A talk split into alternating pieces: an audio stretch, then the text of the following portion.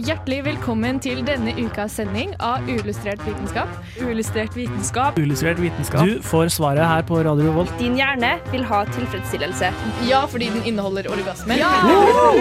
Det er hypotesen. Vi kan lag ha få tak i de 3000 kvinnene. Hvis du skal gå rogue, så Ja, må det hvis du være under eggløsninga. Det er helt nytt nivå av Crazy Cat-leder. Hengende etter bondage. Er det bra forskning, eller er det bare tull?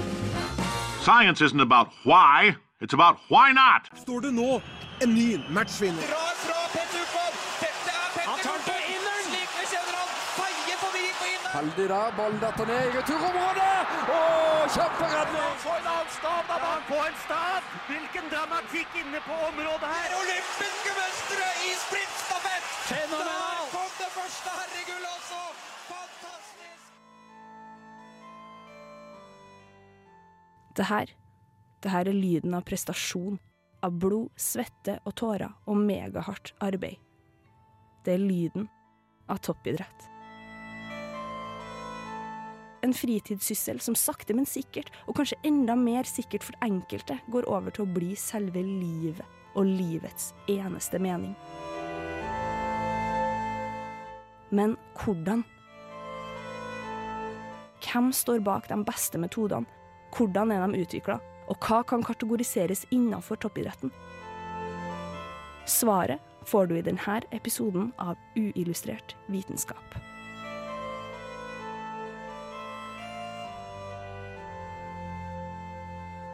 Hallo, hallo, hallo, og hjertelig velkommen til denne ukas sending av Uillustrert vitenskap. Vi starter litt sånn dramatisk i dag, syns jeg. Mm. jeg heter Kristine, og med meg i studio i dag har jeg med meg Ida, Hei, hei. Mari, Hei. og jeg har med meg en gammel kjenning. Hei sann! Hva heter du? Jeg heter Andreas. Og du har vært med i Uillustrert før? Yes, jeg var med fra hva blir det, 15 til 19 der omkring. Ja, en gammel traver, altså. Har. Lenge siden. Ja. Lenge siden. Eh, Før pandemien. Ja, før pandemien. Det var before, og så er det after. Ja. Den tida vi var uviten. ja. Ja. Vi Ja. levde i de gode tidene Ja. den gangen. Ja. Eh, men grunnen til at vi har henta med oss eh, Andreas i dag, eh, og at vi hadde en såpass sportslig åpning, det er jo da fordi vi skal snakke om toppidrett i dag. Og eh, kanskje er det i anledning OL, eller kanskje er det bare fordi vi syns det var litt spennende. Vet ikke helt. Men eh, kanskje vi skal starte med å bare definere hva, hva mener vi, hva er toppidrett? Eh, ok, Jeg har hørt veldig mye forskjellig. Jeg tok en prat med programmet før oss her nå, Flomlys, eh, rett før sending. Um, uh, og der fikk jeg veldig forskjellige svar. Uh, noen mener jo at det er um, det, går, det blir toppidrett når du, når du vier livet ditt til idretten din. Uh, noen mener når du bruker så og så mange timer tren på trening da, og på kosthold og sånne ting. Eh, andre mener at det er når du får betalt for Ja, idretten ja, når du får betalt. Og, men da tenker jeg sånn, da er det veldig mange kvinnelige fotballspillere som ikke er toppidrettsutøvere. Ja, selv om de kanskje egentlig er Selv det. om de kanskje, er, kanskje egentlig er det. Men jeg vet ikke. Jeg, jeg tenker at uh, ja, når det, når det begynner å bli eh, hverdag Når idretten din er hverdagen din, da er det toppidrett. Ja. Ja. Ja, jeg er egentlig litt enig, for det er jo noen som får betalt for å drive med idrett, men som egentlig ikke er så gode. Eller som Nei. liksom bare er i en sånn tredjedivisjon og tilfeldigvis får noe penger. Jeg tror egentlig, egentlig man kan sette skille her også mellom toppidrett og profesjonell idrett. Det er jo noe, noe der også. Får du betalt for det, så er det ikke nødvendigvis toppidrett, eh, men eh, ja, profesjonell er du i hvert fall. Absolutt. Og jeg vil også si at eh, med en gang det ikke er kos, med en gang det ikke er for det sosiale, og fordi at det er artig og koselig, da er det toppidrett. Da blir det toppidrett. Da er det toppidrett. Ok, Vi eh, skal starte å prate om den mest ekstreme formen for toppidrett, altså det vi kaller for ekstremsport. Men før det så skal vi høre på Takk med Jonas V her på Illustrert vitenskap på Radio Revolt. Uillustrert vitenskap. På Uillustrert vitenskap i dag så hører du om toppidrett. Og vi skal snakke om ekstremsport først. Vi tar, vi tar det mest crazy først. Eh, og hva er ekstremsport? Ja, det sliter de også litt med å definere. Akkurat sånn som man sliter litt med å definere toppidrett. Litt sånn ekstremt vagt uh, spekter, egentlig. Ekstremt vagt, Ja. det kan du i hvert fall si. Men eh, noen er det sånn OK, hvis noe går til helvete, så dør du. Det er én definisjon. Ja. Men en annen definisjon er litt mer sånn det er, det er ganske farlig. Men hvor legger du lista over farlig? på en måte? Den er litt vanskelig også å definere, men sånn typisk sånn ekspre, ekstremsport er sånn eh, vindsurfing, eh, Basehopping. basehopping, ja, eh, fjellklatring, isklatring, litt sånne ting. da. Men fjellklatring fortsatt med tau. Ja, med tau, ja. Eh, men så er det noen som er sånn Nei, fjellklatring med tau det er jo egentlig ikke farlig, så det telles ikke som ekstremsport. Det er bare klatring uten tau, men så putter man det Altså, det er ikke klatreidretten, på en måte. Den er ikke så organisert som ski, for eksempel, så det er også ja, litt mindre definisjoner ute og går, da. Men ski er ikke en ekstremsport. Nei, men jeg vil, jeg vil jo si at sånn type som freestyle og hva heter der de konkurrerer X Games og sånne Ja, ting, herregud. Altså- det er jo Det vil jeg si er ekstremsport. Og så har du også nedoverski som går jævlig fort. Inn, nettopp utfor og sånne ting. Jeg tenker at Hvis det når en viss fart, høyde og fallhøyde, da er det ekstremsport. For da blir det farlig igjen. Da blir det farlig. Ja. For skihopp må jo være Ja, skiflyvning. Det må jo være Nei, det telles ikke da. Det telles ikke fordi det er organisert. Eh, ja, eller det er ikke det som har Det er ikke det, er ikke det som omtales i den litteraturen okay. som jeg har vært i, da. Ja, som er da ja. extreme sports. Eh, Ekstremsportveko. nei, men, eh, men det handler på en måte Vi kommer inn på det. Det er ikke så farlig egentlig hvordan du definerer det. Fordi her eh, vil jeg først snakke om eh, Er disse menneskene som driver med ekstremsport, er de gærne? Mest sannsynlig. Nei, Først- nå, nå er, er det noe. Det må være en skrue løs der. Ja, og det tenker veldig mange. Ja. Altså, synes jeg det kommer litt an på liksom altså, Noen av disse tingene er jo sånn Å hoppe i fallskjerm, ja. Eller eh, sånn eh, eh, baseflyvning. Det er jo skummelt, men det kunne jeg gjort. Eh, men å klatre opp et fjell Har dere sånn sett Free Solo? Er det den heter? Ja, han som som- klatrer uten tau. Det hadde jeg aldri gjort. Jeg er glad i å klatre, men ikke opp der uten Jo, men. Tenker du da at han er bare annerledes enn deg, eller tenker du da at han er gæren, det er noe galt med han? Det er jo det som er spørsmålet. Ja. Jeg tenker at de, har en ba de, de mangler en barriere Eller sånn, vi har en barriere, de har det ikke. Det kalles frykt. Ja. Jo, men kan jeg Ok, så eh, bare for å liksom fact-sjekke dere alle. Dere tar feil. hei, hei, hei, hei, hei. Forklar meg hvorfor. Ja, ja, gjerne. Gjerne. Ja. Em, nei, fordi det, dette har man tenkt lenge da, at det her er det, det må være noe galt med disse menneskene som utsetter seg for livsfare. Rett og slett. Ja. Fordi, eh, I sporten sin. Eh, fordi eh, har de kanskje noe uoppgjort med følelsene sine og driver med sånn eh, sport for å fremkalle frykt for å flykte fra følelsene sine? Er det sånn at de har mindre følelser enn alle andre? Er det sånn at de ikke eier frykt? Har de personlighetsforstyrrelser? Dårlig impulskontroll? Nei, nei, nei. Det viser seg at ekstremsportutøvere, eller folk som driver med sånne generelt veldig farlige ting, som er sånn går det til helvete, så dør du, de, altså, de har ikke funnet at det er noe galt med de. Og mange har prøvd. Å, som de har prøvd! Og det er mye litteratur hvor alle er sånn OK, men vi personlighetstester alle sammen. Vi eh, sjekker om de har opplevd noe sjukt i barndommen sin. Altså, de finner ingenting, da. Eh, men de har kanskje funnet ut at det at Det er veldig mange ulike årsaker til at man trives med dette. Eh, en sånn type sport, Men ofte så er det veldig overveide. Altså, de bruker jo veldig mye kunnskaper og veldig mange ferdigheter til å risikovurdere og også liksom finne ut av hva de må gjøre for at det ikke skal gå galt. Altså, Man kan planlegge en ekspedisjon i 14 år før man gjør det. Og da er det veldig nøye planlagt, det er veldig nøye trent. Så det da at man tenker nei, du tar en stor risiko. Nei, du tar kanskje egentlig ikke en så stor risiko, fordi du vet hva du holder på med. Eh, Rett og slett, da. Ja. Jo, men det er sant. Eh, så har du da eh, Og de sier da at de kommer inn i en sånn derre flow. Flow. Wow. Ja. Jo, jo, men det er. Kult! Kult! Det? I sonen, da. At man, man har Ja. sett, heller sett at det, det er mer felles. At du kommer inn i sonen. Ja, Og denne ja. handler da om at du er 100 i øyeblikket. Du er liksom bare deg og Mm. den utfordringen du står overfor, og at denne følelsen er en slags sånn eh, eufori, da. At den, Ja. den gir deg veldig mye, denne eh, flowen. Ja.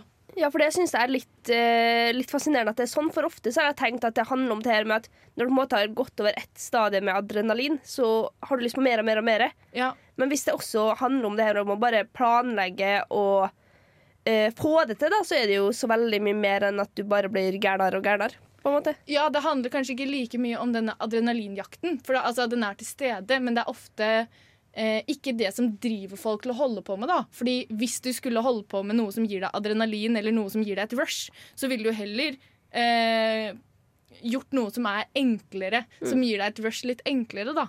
Eh, altså, da ville man jo oppsøkt veldig risikoatferd, kjørt veldig fort med bil. Og mange er veldig liksom redelig på på hverdagsaktiviteter da, og tar det liksom veldig ro. Så det handler på en måte ikke like mye om det. da.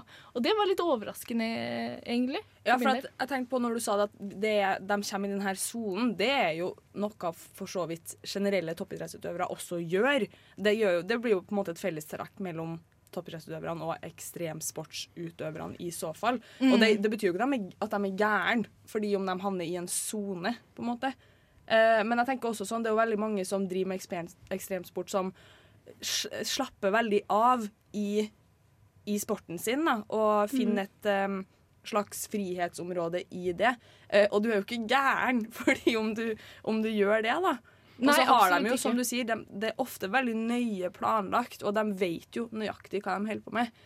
Eh, og det som også Ida sier, fallskjerm, det kunne jeg ha gjort, men sånn skydiving, altså sånn der flaggermusopplegg, vet du hva, Ja. det, det er faktisk helt sjukt. Det kunne jeg aldri ha gjort.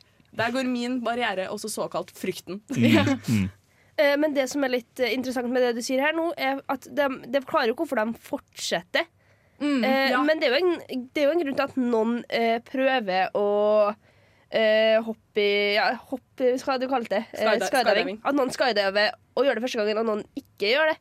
Ja, men har det noe med altså, skulle du si, Er det der overlevelsesinstinktet vårt kicker inn?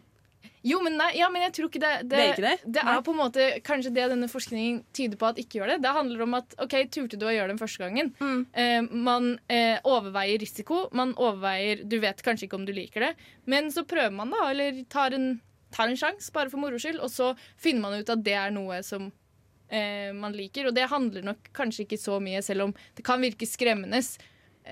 Så handler det kanskje ikke så mye om dette overlevelsesinstinktet, for de vet at de ikke kommer til å dø. De er sånn 'Dette dør ikke jeg av i dag'. Eh, og, og hos deg, du tenker ikke det.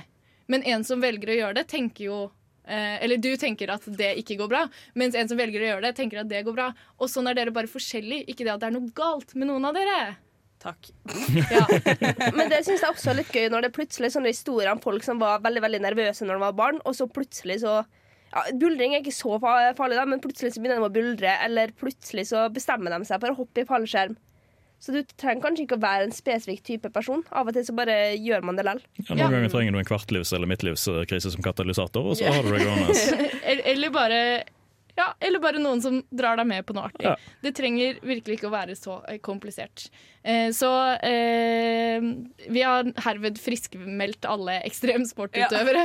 eh, og vi skal høre på No More Kissing in the Rain med Trentemøller før vi går videre på toppidrett her på Illustrert vitenskap. Det her er Jon Anders Lie, en psykolog, og du hører på Uillustrert vitenskap. Og på Uillustrert vitenskap i dag så handler det om toppidrett. Og en viktig ting å ta opp rundt toppidrett er selvsagt kvinner. For kvinner er eh, kanskje litt annerledes enn menn når det kommer til dette med idrett.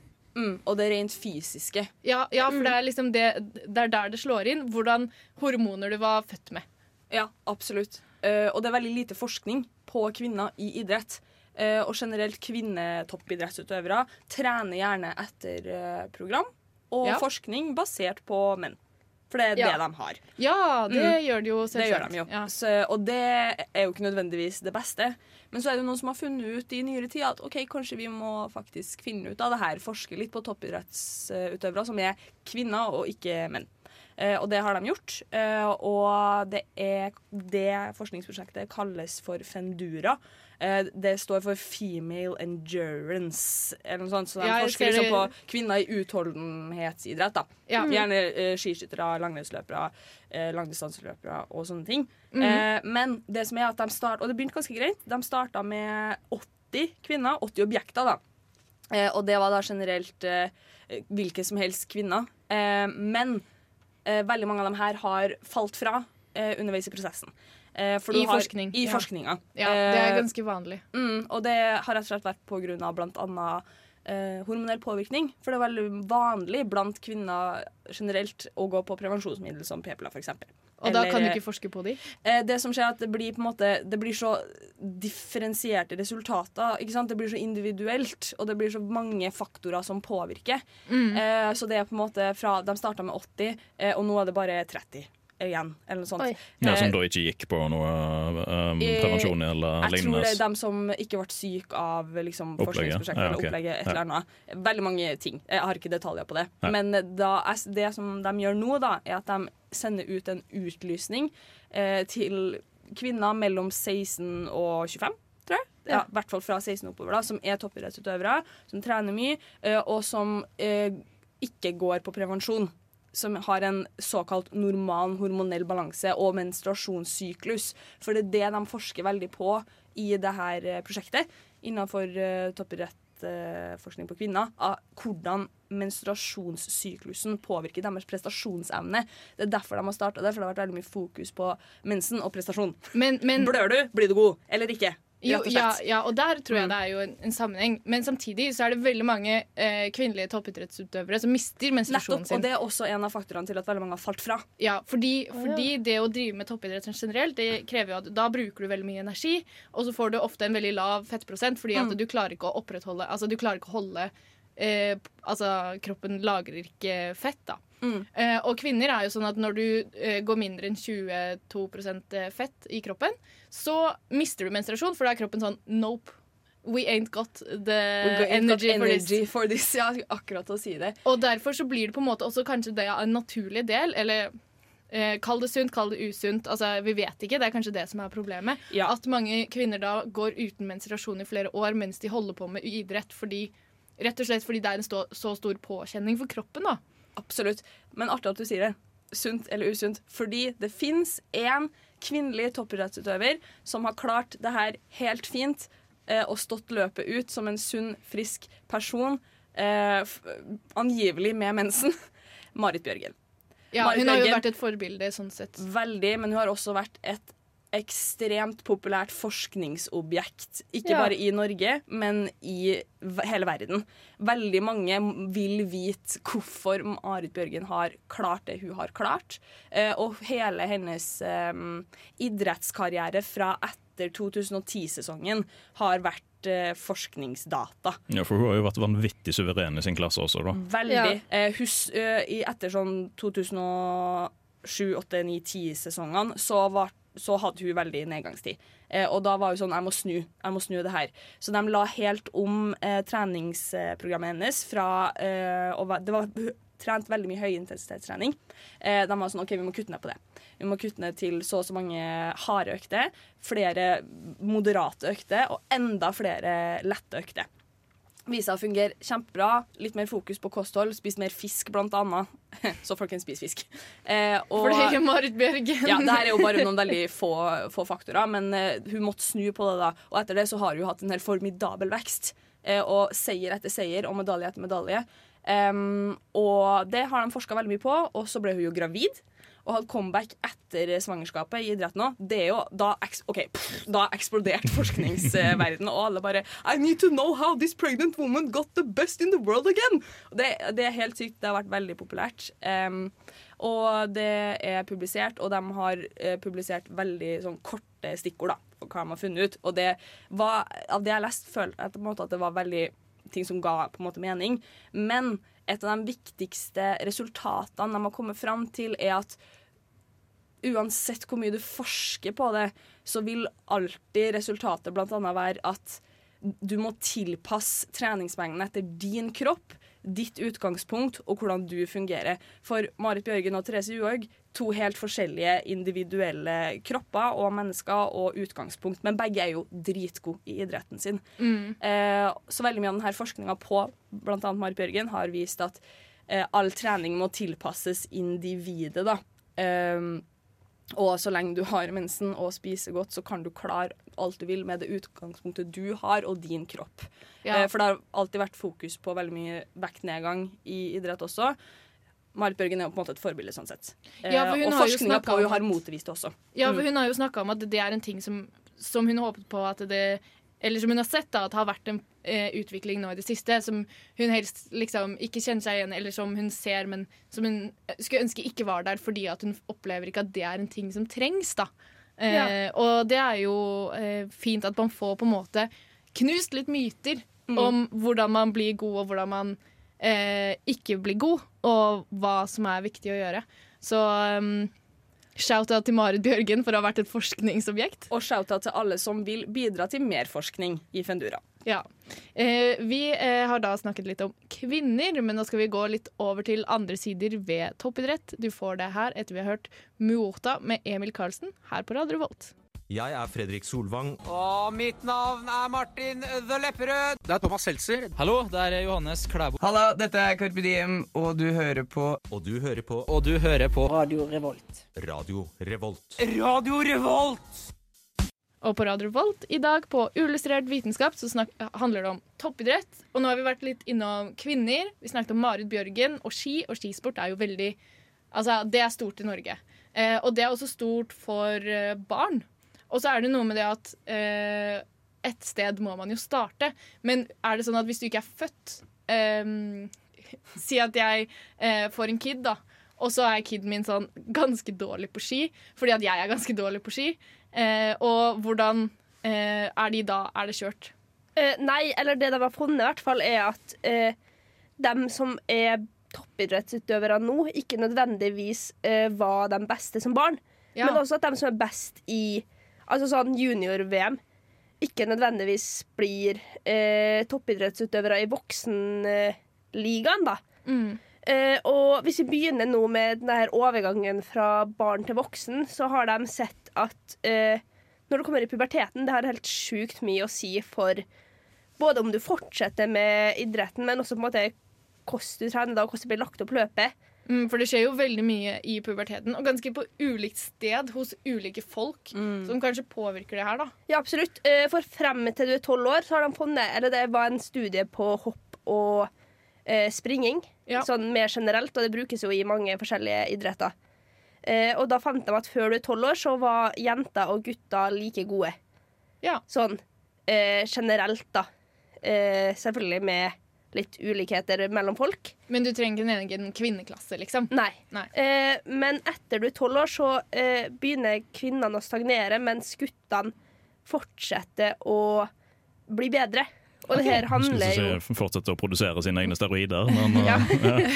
Nesten. Ja, litt det, egentlig. Fordi at det at de har eh, testosteron, Mm. eh, gjør jo at eh, du får eh, økt muskelmasse, eh, mens fettmassen forblir den samme.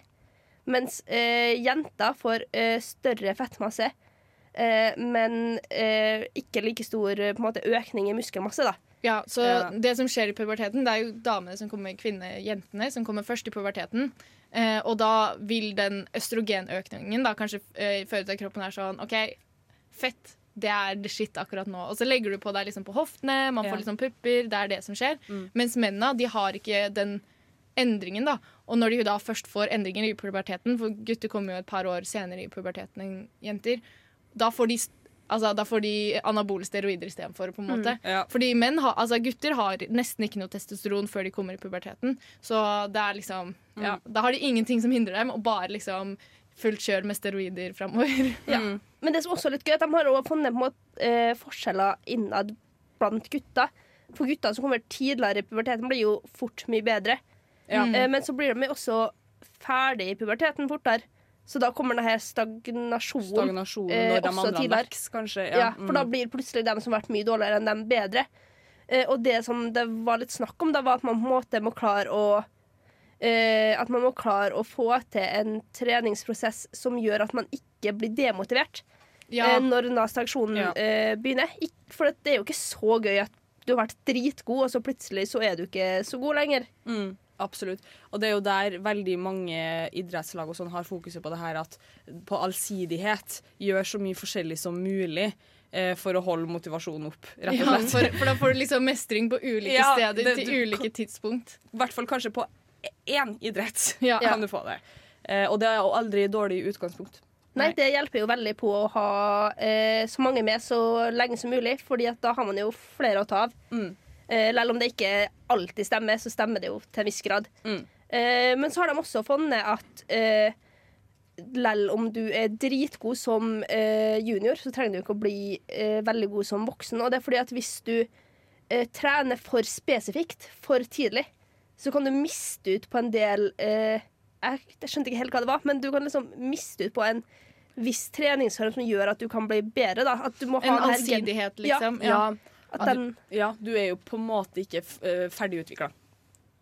Nei, er men også at det hjelper, da, det hjelper å liksom ha en bred base. da Sånn Ja. som du må trene kjernemuskulatur selv om Ja. du bare skal gå eller løpe. Og eh, at det er denne allsidigheten som slår ut da for barna også. ja, veldig bra oppsummert. Ja, fordi talent er ikke alt. Talent er ikke alt, og alle kan bli god eh, et, både før og etter puberteten. Ja.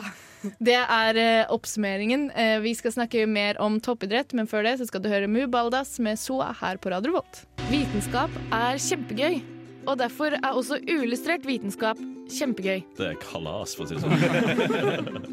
Her på Radio Revolt.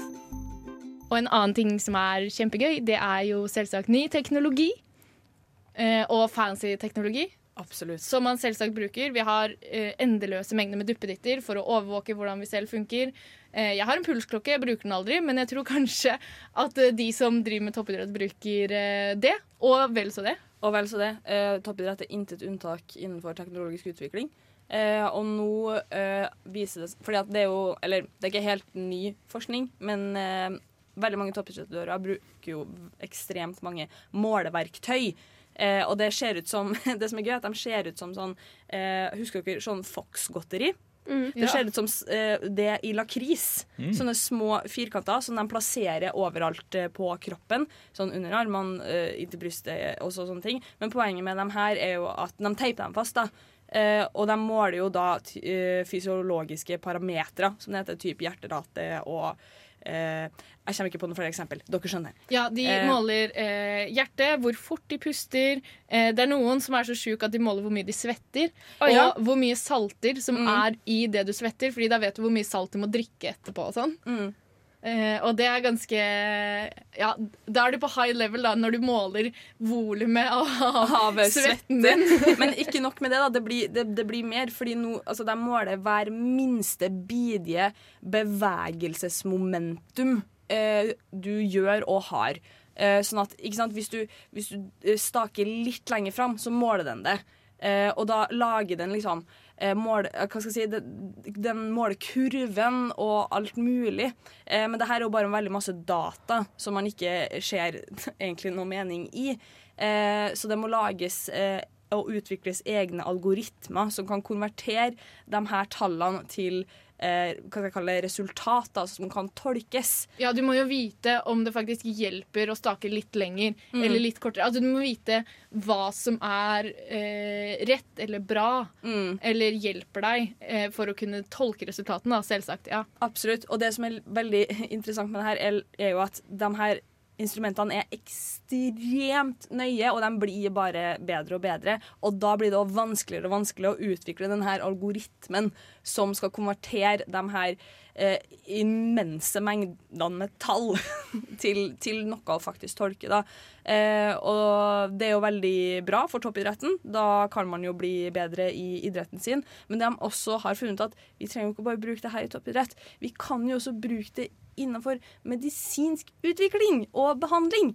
Eh, og da har de funnet ut at de kan bruke det i, i behandling av MS. Eh, Altså hvordan du beveger deg? ja, de måler eh, De bruker det på MS-pasienter eh, for å måle eh, symptomene eh, når de kommer, eh, hvordan det utvikler seg, eh, Ah. og hele sykdomsforløpet for at multipelsklerose OK, MS. Ja, ja, Det, det var riktig. Det var riktig, ja. Eh, det utvikler seg over tid.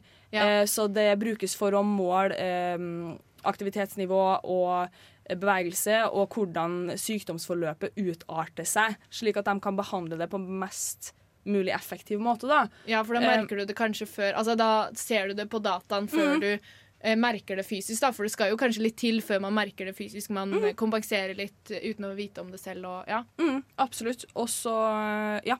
Det, det er jo veldig bra. Det er jo en vakker bakside av medaljekampen, som de kaller det.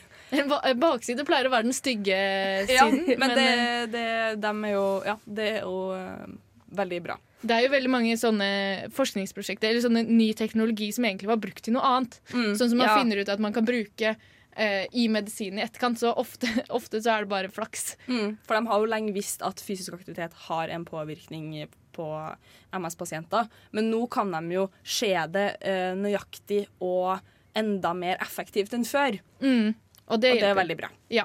Eh, vi skal snakke om en litt annen sport. Mm. Eh, vi skal snakke om e-sport. Men før så skal vi høre Tell Me About It av Thea Wang her på Radio Volt. Hi, this is Grant Sanderson from the YouTube channel 3 Blue 1 Brown, and you're listening to Unillustrated Science. Og på Uillustrert vitenskap i dag så eh, handler det om toppidrett. Men hvorfor snakker vi da om e-sport? Jo, det er et veldig godt spørsmål, Kristine. Eh, Fordi når du hører ordet e-sport, altså da elektronisk sport, hva er det du egentlig tenker da? Eh, da tenker jeg på en eh, svett gutt som sitter i en komfortabel stol og Og kalle det idrett! Ja, sant, for det tror jeg veldig mange andre også gjør. Men uh, utover, altså, utover utviklingen til det som nå har blitt e-sport, så har det jo skjedd veldig mye. Uh, utgangspunktet til dette her er jo selvsagt gaming. Uh, at du sitter på gutterommet ditt og er en svett gutt eh, på 80-90-tallet, spiller strategispillene dine på LAN sammen med vennene dine ofte. Og så har årene gått, eh, og så har man sett at det er et kompetitivt eller konkurranseaspekt ved e-sporten. Ja, altså, eh, spillene går jo ut på at man skal konkurrere mot hverandre. Ja. Så eh, hvorfor ikke lage turneringer? Hvorfor ikke lage det til en sånn Ja. Kompetitiv greie, da? Og det har jo skjedd utover 90-tallet og 2000-tallet, så har det blitt mer og mer sånne små LAN-turneringer rundt omkring, med en liten pengepremie her og der. Sant? Du får et gavekort på Peppes hvis du spiller her og vinner, og kommer du på tredjeplass, så får du en stor halvannen liter med cola. uh, og så har det utvikla seg til at du faktisk har nå eh, pengepristurneringer som har pengepotter på over en million dollar i, uh, i, de- i snitt i de store turneringene. Og hvis du da drar det tilbake til definisjonen av toppidrett, den som noen kalte definisjonen, Ja. På at du kan tjene penger, eller at du kan leve av det. Og da begynner du å snakke om at du kan leve av det, kanskje. Ja, kanskje. Altså, eh, I de fleste e-sportsorganisasjoner så har du jo det at uh, spillerne får som regel alt av pengepremier sjøl. så det er ikke der hovedinntekten deres kommer, for det å vinne en turnering er jævlig vanskelig. Men de har da lønna arbeid, så de er profesjonelle fordi de spiller på kontrakt med lagene sine, eh, som da står for hovedinntekten. Som da går igjen til at vi har lønna arbeid for profesjonelle folk som eh, konkurrerer jevnlig i store turneringer med jevngode folk. Ok, Så eh, konkurranse, ja. Profesjonell, ja. Eh, og da mangler idrettsbiten av det. Da Da, mangler idrettsbiten. For idrettsbiten er ofte definert som at du skal gjøre en fysisk anstrengelse eh, og eh, gjerne være god i det du holder på med. Jeg tror vi kan utvilsomt si at eh, e-sportidrettsøverne er gode i det de holder på med. Eh, men en fysisk anstrengelse, det høres jo kanskje litt rart ut. Men De blir jo svett, da. ja. Jeg skulle til si akkurat å si det, De blir jo jævla svett, liksom, for å si det på godt trøndersk. Men man ser jo kanskje for seg at de bare eh, sitter stille. Men det, det må det ikke veldig mye sånn trening til for å faktisk være god? Det skal jævlig mye trening til for å være god. Fordi du skal, altså Det er én ting å sitte på gutterommet ditt og svette og game litt grann ukritisk, spille et game etter game etter game. etter game. Det kalles jo eh, spilling, ikke trening. Sant? For du, du skal gjerne reflektere over det du gjør også. Og da har du også eh, en liten sånn fysisk bit ved at du skal gjøre dette lenge, så du får skikkelig seig stamina til å holde på med det. Men det er også en psykisk anstrengelse over det, som kan overføres til en perceived exhaustion. Uh, Ja, så du blir over det. sliten i hodet, Ja. på en måte. Du blir da. veldig sliten i hodet. Og hvis vi da tar eh, det spillet som jeg uh, gjerne har spilt og sett mest på, Counter-Strike Global Offensive, så spiller du jo Det er jo jo det som er størst, kanskje. Nei, det er ikke størst. Okay, Men det er i hvert fall det, ja, Det er et av de største og som har holdt på lengst. Det er helt riktig, Men størst i pengepremier er nok Dota 2 eller Defense of the Ancients, som Steam har. Som har eh, åpne pengepotter som hele verdens eh, befolkning som kjøper skins og sånt til spillet, går inn i den potten, og vinneren tar alt. Og det er sånn 30 millioner dollar eh, snakker, snakker vi om. Ok, Men det har jeg ikke hørt om. Men jeg har hørt om. Ja, CS, altså, jeg hørt om. For den psykiske anstrengelsen du har da over å spille en turnering, så spiller du gjerne en best av tre-kamp mot et lag eh, på en kveld, eller to best av treer, eh, som da tar opptil en time per kart. Oi. Og så skal du vinne det. Og da, sitter, du- da snakker du om at du sitter og konsentrerer deg på høygir i tre til fem timer i strekk. Og du skal gjerne ha to sånne kamper i løpet av en kveld.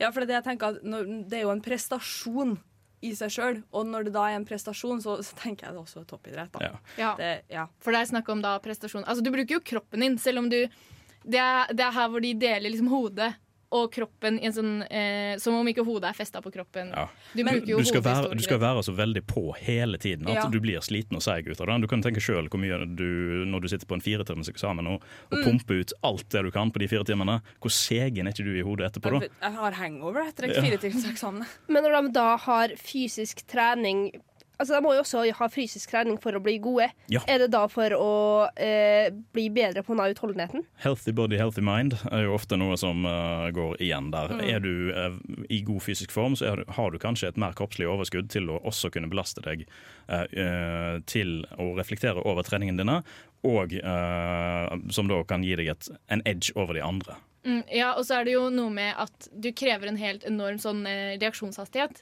Så altså, hvis du noensinne har sett på sånne kamper, da, og ting blir litt sånn det går litt fort, da går det så fort at du ikke får med deg det som skjer. Men de som spiller, de får med seg det som skjer, for de reagerer jo på det. Og det går, all- alle er liksom sånn «Wow, Så du hva som skjedde nå? Og jeg var sånn Nei, jeg så det. Nei, nei, Men, men du må jo trene på denne Altså For å ha denne reaksjonshastigheten så må du ha ganske god kontakt med nervene dine. Du må ha veldig god kontakt fra liksom hodet til armen, og den får du ikke uten at du trener musklene dine, og du trener nervene dine, og du trener liksom kroppen din. da. Ja, altså motorikken og alt mulig. Men apropos trening, da. Det er jo all, veldig mange toppidrettsutøvere som får beskjed om å skrive treningsdagbok.